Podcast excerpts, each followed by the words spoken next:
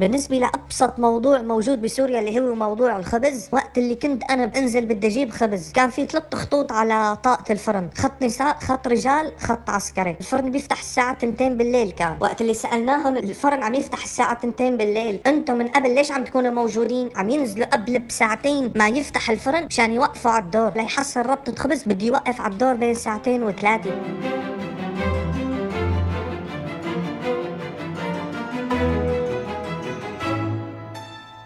ما يحدث في سوريا استثنائي بكل معنى الكلمة. أزمة خبز والحصول عليه عبر البطاقة الذكية رغيف أو رغيفان للفرد الواحد في الأسرة. أزمة بنزين لا مثيل لها. قال من الأقمار الصناعية عم يقدروا يشوفوا ازدحام العالم الموجود. تحت بالازدحامات إن كان أزمة بنزين ولا إن كان أزمة خبز. أزمة غاز. ولليوم بالنسبة لموضوع الغاز ما يقارب الشهرين ونص لثلاث شهور ليقدر الفرد يحصل أسطوانة غاز وحدة. بيجي دورنا لنروح نستلم أنينة غاز. فتخيل المواطن اللي عنده أسطوانة وحدة بس بالبيت كل شهرين بده يبدلها بس. وأنينة الغاز يعني تقريبا إذا كان الاستخدام فيها متوسط تكفي الفرد لمدة تقريبا 25 يوم 26 يوم. أي إذا عم أحكي لك أسرة مكونة من أربع أو خمس أفراد واستخدام الغاز فيها متوسط. على فرض أن هذه الأسرة قادرة فعلا على شراء اسطوانه الغاز النادرة تلك. وأزمة كهرباء متكررة. ما فينا نقول إنه بسوريا في كهرباء ابدا لأنه بسوريا الكهرباء عم تنقطع متواصل ست ساعات سبع ساعات. تيجي منهم كام ساعة بعدها بترجع تنقطع ست ساعات. فيعني تخيلي طبعا في ازمات بتمر لحد اليوم. ممكن يصير في انقطاع للكهرباء فيها لمدة 24 ساعة. يعني حرفيا فعليا واقعيا كهرباء بسوريا ما في ابدا. الحرائق.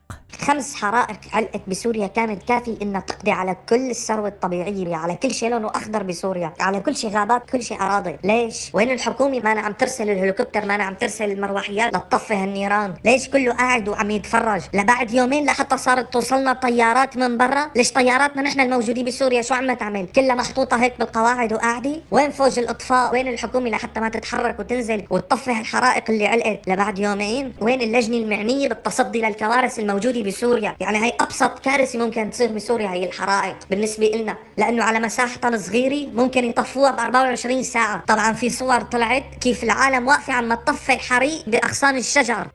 وأخيرا وليس آخرا أزمة كورونا والتي ترتبط بها كل الأزمات السابقة وتساعد على تفاقمها. في حلقة اليوم من بودكاست في عشرين دقيقة سأكون مع زميلاتي من فريق راديو الآن مها وغيدة. مها قدمت أكثر من خمس حلقات في أكثر من بودكاست تحدثت مع عدد كبير من السوريين حول أزمة كورونا ومآلاتها. وغيدة أيضا أنتجت حلقتين التقت خلالهما بطبيب وشاب سوري تحدثا عن الأزمات المتعددة التي تشهدها سوريا والتي لم يعد المواطن العادي يحتمل تبعاتها ويكاد المرء يفقد عقله حيال ما يجري. والمشكلة أن الآفاق لا تتحدث عن حلول لا جذرية ولا جزئية فكل يوم يخرج مسؤول ليدلي بتصريحه فيدعونا للقول يا ليته لم يخرج علينا بتصاريحه تلك. صور يندى لها الجبين تصلنا من سوريا من متابعين ومن ناشطين ونتابعها على صفحات التواصل الاجتماعي آخرها وأشهرها كانت صورة أخذت عبر الأقمار الصناعية كما ذكر الصوت الذي استمعنا له في بداية حلقتنا والذي تحدث لغيدة وأعرب لها عن رغبته بعدم ذكر اسمه وطلب منا أن نعدل صوته. الصور تلك التي تحدث عنها كما يقول وكما سمعنا من آخرين أخذت عبر الأقمار الصناعية لأحياء في دمشق تعج بطوابير السيارات وخصوصا سيارات الأجرة وتمتد هذه السيارات في أرتال تصل لمسافة تزيد في بعض المناطق عن الكيلومترين أو ثلاثة كيلومترات صورة أخرى وصلتنا لطوابير الخبز وكيف يتحلق الناس ويتعلقون حول قوة الخبز الصغيرة التي يطل منها عامل المخبز ليقدم الأرغفة المغمسة بالقهر. تلك الأرغفة التي أعلن مسؤولون عن قرار استلامها عبر البطاقة الذكية التي بات السوريون يتندرون منها وعليها. لن أذهب بعيدا في هذه الحلقة. سجلنا في استوديو راديو الآن مع كل من زميلتي مها وغيدة. حديثا يدور في صدورنا نحن السوريين حول ما يجري في بلد الطوابير. كما سماها صاحب الصوت المشارك معنا. ستستمعون أيضا إلى أصوات مختلفة من بينهم أطباء ومن بينهم متطوعون لإنقاذ هذا البلد بإمكانياتهم البسيطة.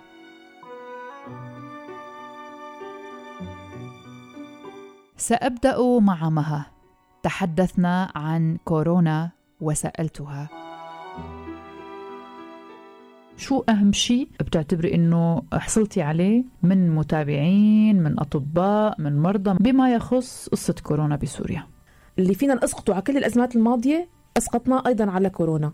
أكيد ما رح تكون هي مستعدة لا لتلقي هالأزمة ولا جاهزة وأثبتت فشلها كحكومة سورية إنه هن يقدروا يستوعبوا أو يحتووا أزمة كورونا.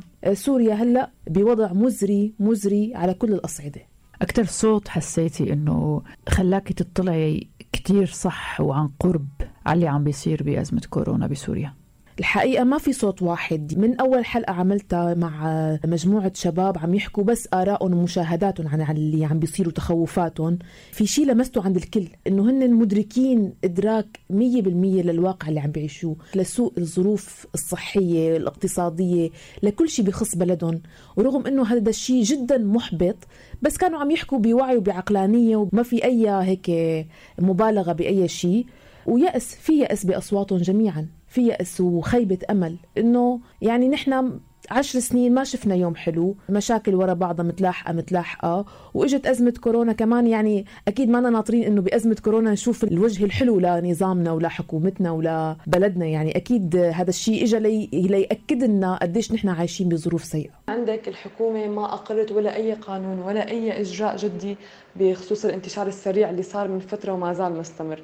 عدا عن وزارة الصحة اللي ما حدا بالبلد عنده ثقة بأي رقم هي بتعلن عنه سواء بحالات شفاء أو إصابة أو حتى وفيات. كلياتنا اليوم صرنا نعرف شخص أو شخصين مصابين الأعداد كل ما عم تزداد. إذا ضل الوضع هيك بدون أي إجراءات جدية فنحن رح نوصل لمرحلة نسمع فيها أعداد جدا مخيفة. يعني فينا نقول كمان آه، عن الجانب الإيجابي اللي لمسته من خلال حلقة آه، مبادرة عقمها. حلقة الدكتورة رهف المجذوب صاحبة مبادرة استشارات مجانية في دمشق والفريق الطبي ميدوز ببودكاست كورونا بالاصوات كلها اللي سمعتها خصوصا حلقة ميدوز كل الفريق تقريبا شارك بالحلقة. يمكنكم الاستماع إلى الحلقة رقم 91 في بودكاست كورونا وبنصحكم تسمعوها. في سعي في صبر في تحمل في إنه نحن بدنا نضل عايشين تقبل للواقع ومحاولة لإنجازات هيك بسيطة يومية تخفف من هالمعاناة ولو على المستوى المعنوي. ثلاث فرق أو فريقين شباب وطبيبة وبرغم ضعف الظروف وفقر الظروف بسوريا وعجز وزارة الصحة عن تغطية هالكارثة بشكل مؤسساتي ومسؤول لكن شباب وجامعيين وأطباء وخسارة كبيرة كمان خسارة أكثر من 60 نحن لما بلشنا نحكي كانوا 60 طبيب لكن بعدها أكيد ما توقف عداد الموت للأسف في سوريا. فاليوم ما بنعرف ما صار إحصائية جديدة قالت قديش صار عدد هدول الأطباء. فينا نقول لحد الآن أنه أكثر من 60 بس قديش بالضبط ما فينا نقول. جيل اليوم اللي عم بيشارك بهي الحملات اللي كانت توعوية المساهمة بتأمين اسطوانات الأكسجين ولا تأمين الأدوية اللازمة والممكنة أو تأمين الحالات الإسعافية أو الإرشادات الصحية أو المساهمة بأي شكل من الأشكال من فرق متطوعين غالبا عم بتكون. هدول الشباب اليوم إذا بدنا نعمل حسبة ونقول أعمارهم بين العشرين والثلاثين exactly. هن كانوا مع بداية الثورة أعمارهم بين العشرة والعشرين تماما. هن شاهدين بمرحلة كتير قاسية من حياتهم غيرهم بيكون عم بيحلم. وعم بيتعلم وعم بيمارس هوايات وعم بيعيش طقوس بين الطفولة والمراهقة وأحزانها وأفراحها وآلامها وأسئلتها لكن هن كانوا عم بيعيشوا تفاصيلهم المختلفة عن كل أبناء جيلهم. كم صاروخ نزل اليوم؟ كم قذيفة راحت اليوم؟ كم معتقل اليوم؟ كم قتيل تحت التعذيب اليوم؟ قد رح يكفينا الراتب؟ وكيف رح نعيش بهالغلاء وقد صار سعر الليرة اليوم؟ وكيف اليوم بدنا نحاول نقطع الحواجز؟ وكيف عم بتموت العالم؟ وكيف عم تتهجر؟ هذا الجيل اللي عاش كل هالأزمات المتلاحقة وقدر يطلع بفرق فينا نقول إنه هي عصاره تجربة تجارب يمكن يعني آه، أنت اللي عملتي الحلقات أنت اللي ممكن تستشفي أكثر يعني. هذا الوعي ببلد هالقد في خراب. هي كلها محاولات أنا تعريفي لها لهي المبادرات محاولات إنه نحن عايشين آه، بنقدر نساهم بإنه نساعد بعضنا. بنقدر نثبت لنفسنا اولا وللآخرين ثانيا إنه لسه نحن موجودين. عن جد أنا من كل اللي لاحظته من كل اللي سمعته رسالة وحدة عم بتكون يمكن غير مباشرة ما أنا عم تكون بهي الصراحة أو بهالوضوح.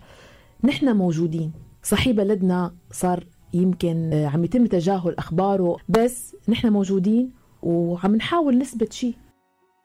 مثلا فريق عقمها والصوت هنا لعمر بوظو طالب جامعي وأحد المؤسسين لهذه المبادرة. نحن نشتري اسطوانات الاكسجين عن طريق تبرعات نقدية. هي اغلبها ذات الطابع الشعبي. يعني هن الناس آه، مثلنا. أغلبهم من آه، أبناء الطبقة المتوسطة يعني. وفي مجموعات شبابية كثير يعني. بيجمعوا مصاري بيتبرعوا لنا ونحن بنشتري بهي المبالغ النقدية اسطوانات الأكسجين وأجهزة منظمات التنفس اللي هي آه، وجودها ضروري لحتى تصير عملية تنفس. آه، تأمين الأسطوانات كنا بالبداية عم نشتريهم من محلات المفرة محلات التجهيزات الطبية بأسعار السوق. آه بعدين صرنا نتواصل مع مستودعات مع معامل. للأسف آه رغم كل شيء نحن بنشتري الأسطوانات بنفس الأسعار العادية. أحيانا آه بيعرضوا علينا أسعار آه اجت فترة آه عطلة العيد كان في إغلاق للمحلات فكان في احتكار كبير بهذيك الفترة وتضاعفت الأسعار بشكل 100% الأسطوانة اللي كان سعرها 200 ألف تحولت ل 460 ألف بغضون 48 ساعة. ما كان في أي مساعدة ما كان في أي بس نوع من أنواع التقدير للشيء إنه العالم تحتاج هذا الشيء. لأنه كنت دائما أسأل طيب أنت ليش عم تتطوع وعم تعطي كل هالشيء من جهدك ووقتك وفي شيء عم بيكون بالمقابل أقوى منك يعني مهما قدمت عم يغلبك بلحظات. كلهم كانت إجاباتهم بمعنى إنه هي الطريقة الوحيدة لحس إني موجود. ما بالك لو كانوا موجودين بدولة تحترمهم تقدرون وتعطيهم حقوقهم بالكامل. تماما. في حلقة كمان ما نوهنا عنها هدول الحلقات اللي ذكرناهم الثلاثة هن ببودكاست كورونا. ببودكاست انتظر اتصالنا عملنا اتصال خاص مع دكتور اسمه طارق العبد هو أخصائي أورام. آه حدثنا تقريبا لمدة نصف ساعة عن مشاهداته كطبيب من أجواء المستشفى اللي عمل فيها. وبظن الكلام بينطبق على كل المستشفيات في دمشق يعني. آه، كونه نحن كتير سمعنا من الأشخاص اللي حاورناهم بحلقات غير إنه كنا نفوت على المستشفيات نلاقي الأطباء نفسهم ما في اهتمام فيهم من معدات وقاية من كمامات من هي القصص. فأنا سألته شو كان عم بيصير؟ شرح لي. شرح لي الثغرات اللي صارت وحكى لي كتير مواقف صعبة مروا فيها كأطباء بحالات عاينوها بحالات ماتت بين إيديهم. وضع كان جدا مزري. سننتقل لغيدة. ونقاش حول لقاءاتها مع سوريين للحديث عن أزمة كورونا أيضا. أحد الحلقات كانت عن طبيب مقيم بسوريا. كان عم يحكي عن كيف انتشر فيروس كورونا بسوريا. بالتفصيل حكى عن إيران عن حزب الله وكمان حكى عن لبنان والعراق والجيش اللي بلش انتشار فيروس. نحن الفيروس إجانا من إيران عن طريق الحجاج الإيرانيين اللي كانوا يجوا على سوريا وعن طريق الجيش الإيراني اللي كان يتنقل بين سوريا وإيران. وطبعا ما فينا ننكر إنه جيش حزب الله اللي كان عم فوت ويطلع كمان كان له دور في نقل الإصابات في هاي الفترة طبعا هاي الفترة كانت فترة كتير غامضة كان في تعتيم إعلامي ما نسمع أخبار فقط نعرف إنه في عنا إصابات في الجيش وما نعرف شو كيف يتعاملوا معها أو شو يصير فيها لأنه هاي الإصابات دائما تتحول للمشافي العسكرية. بعدين بعد كذا يوم إجتنا تعليمات على المشافي إنه أي مريض بحس بأعراض سرية عنده شك كورونا كتير كبير بنعزل بالطابق الثالث بالمشفى وما بيتشخص على إنه كورونا بيتشخص على إنه ذات رئة. تعليمات كانت صارمة بهذا الخصوص. بلشنا نسمع أخبار كثيرة عن الإصابات بلشنا نسمع أخبار أنه الفيروس انتشر بسوريا بس نحن لحد الآن ما حاسين أبدا بشيء. فجأة بعد كذا يوم كمان الفريق الحكومي بيكون يوم جمعة الساعة 8 بالليل بياخذ قرارات منها إغلاق معابر الحدود البرية إغلاق الجامعات والمدارس منع السفر بين المحافظات فرض حظر جزئي إغلاق المطاعم والكافيهات منع التجمعات والقادمين من مطار دمشق الدولي لازم يلتزموا بفترة عزل مدتها 14 يوم هون بلشنا نحس إنه في شيء ملموس في كارثة عم تستنانا. العالم بدون سابق إنذار تهجم على الصيدليات تجمع بالكمامات والمعقمات وأنا كطالب طب بشري أو كطبيب بدي أنزل تاني يوم على المشفى ما أقدر أمن لحالي هاي القصص مشان أحمي حالي.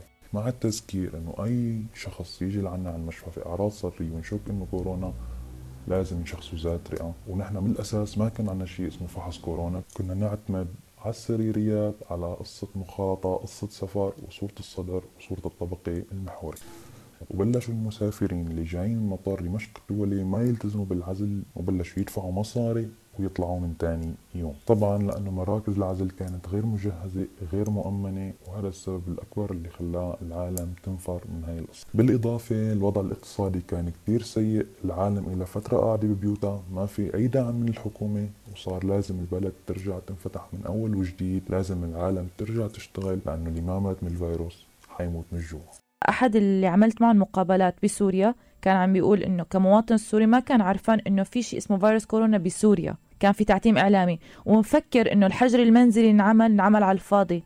مع العلم إنه انعمل الحجر المنزلي والإجراءات الوقائية كانت الحكومة السورية. عرفانه إنه في فيروس كورونا بس معتمه هذا الشيء عن الشعب فكانوا مفكرين إنه هاي الإجراءات كانت على الفاضي لأنه أصلا ما في فيروس كورونا. مشان هيك لما جد الجد وانتشر فيروس كورونا الناس ما كتير أخذت الموضوع أخد على محمل الجد. بالضبط أخذت الموضوع باستهتار إنه لا ما في عنا فيروس كورونا أصلا.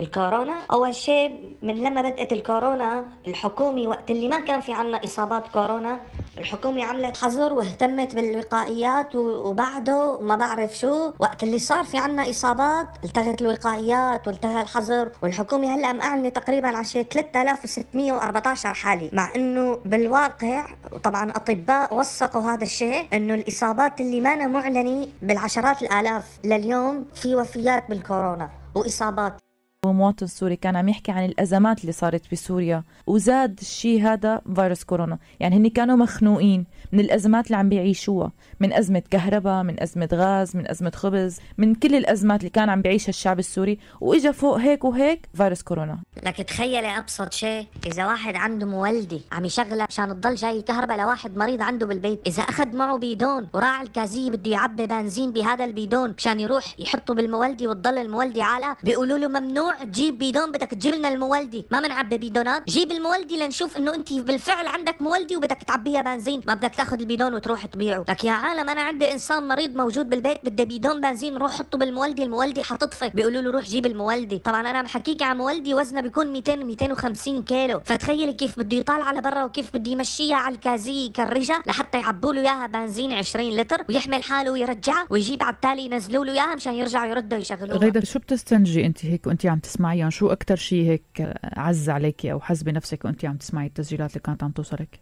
لما نوصف ببلد الطوابير. لكن تسمت سوريا بلد الطوابير. تخيلي إنه أبسط شيء كان مذل للشعب السوري إنه قال من الاقمار الصناعيه عم يقدروا يشوفوا ازدحام العالم. هي واقفة تحت بالازدحامات إن كان أزمة بنزين ولا إن كان أزمة خبز. شعب كامل لدولة كاملة مليانة ثروات تسموا أو صاروا يلقبوها ببلد الطوابير. ولما سمعت بأنه نحن هيك هيك يعني مذلولين كل حياتنا. وقفت على فيروس كورونا. ميتين ميتين. إذا ما رح نموت من الفيروس كورونا رح نموت من الجوع والقهر والطقيع. شاف شغلات أصعب من الكورونا قصدك إنه من كتر المآسي اللي عاشها ما آه. موتنا صاروخ بدها تموتنا كورونا. ما, ما موتنا. هاون بدها تموتنا كورونا. بالضبط ما فارق معهم. نحن ميتين ميتين. بتعرفوا قد سعر الكمامة؟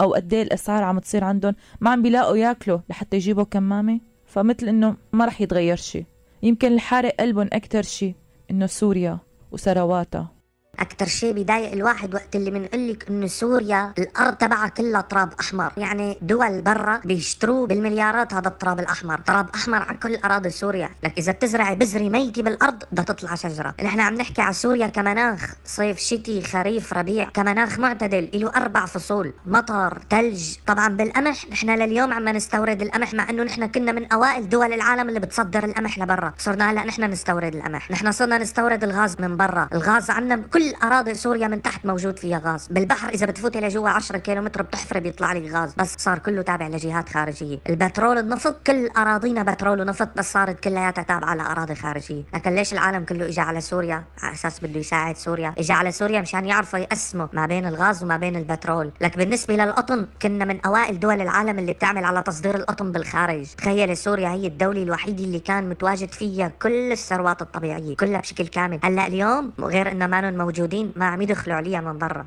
وصاروا يتعاملوا بالبطاقة الذكية حتى بالخبز. هنا نتحدث عن أولئك القادرين والمالكين للمال للحصول على هذا الخبز حتى لو مع كل هذا القهر. أما الذين لا يملكون قوت يومهم للحصول ولو على رغيف الخبز اليسير عبر البطاقة الذكية فلهم الله. هذه كانت حلقة من بودكاست في عشرين دقيقة. من إعدادي وتقديمي براء صليبي المادة الأدسم في هذه الحلقة كانت من إعداد زميلتي مها وغيدة.